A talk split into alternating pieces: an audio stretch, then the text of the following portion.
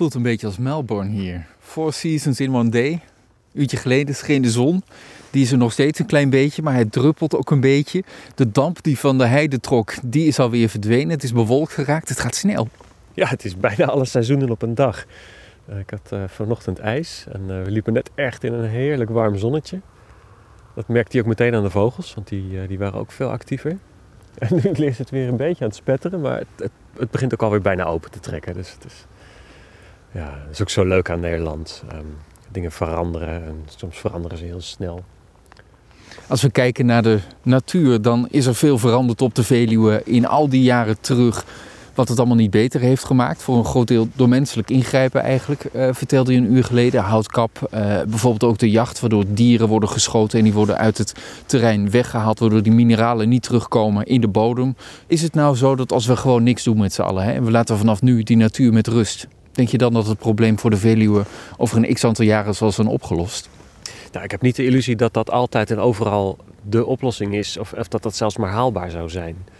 Maar hè, die, dat grootste natuurgebied van Nederland na de Waddenzee uh, is lang niet zo natuurlijk uh, als we denken dat het is. En ik denk wel dat, hè, als ik hardop droom, dat iets meer van die verwildering, van die rewilding, uh, ontzettend goed zou zijn. Omdat de natuur eigenlijk ontzettend goed weet hoe zijn natuur kan zijn. Um, dat, dat gaat al miljoenen jaren heel goed. Um, dat heeft hele mooie dingen doen ontstaan. Uh, maar we vinden het wel als mensen heel erg moeilijk om af en toe gewoon eens eventjes op onze handen te gaan zitten en eens even niks te doen. Um, oh, ik hoor raven in de, in de verte. Krok. Sorry, vogels ja, die, ja dat, nee, laat je afleiden ja, door, uh, door raven en, en andere ja. vogels enzovoort. Maar een raaf is misschien ook wel een goed voorbeeld, toch? Want dat is nou een vogel uh, die bijvoorbeeld zelfs profijt kan hebben van de aanwezigheid van een wolf. Uh, die belang heeft bij dode dieren in de natuur. Ja, nee, het, het, het, is fantastisch dat hij zich meteen meldt, net als we het eigenlijk hierover hebben. Want het is echt een ontzettend klassiek voorbeeld van, van hoe soorten in de natuur samenwerken en elkaar ook nodig hebben. Want het blijkt ook dat uh, wolven bijvoorbeeld raven in de gaten houden om uh, uh, een kadaver van een dier op het spoor te komen. die lopen op de grond. Zo'n raaf heeft vanuit de lucht veel meer overzicht. Dus er is communicatie tussen die soorten. Nou, dat is fantastisch als je daar even bij stilstaat. En nou goed, die, die, die wolf is natuurlijk alweer jarenlang terug hier op de Veluwe. Voor sommige mensen nog een beetje wennen, maar voor de natuur ontzettend goed. Omdat grazers, omdat hoefdieren zich anders gaan gedragen. Dus die gaan op een andere manier het terrein gebruiken.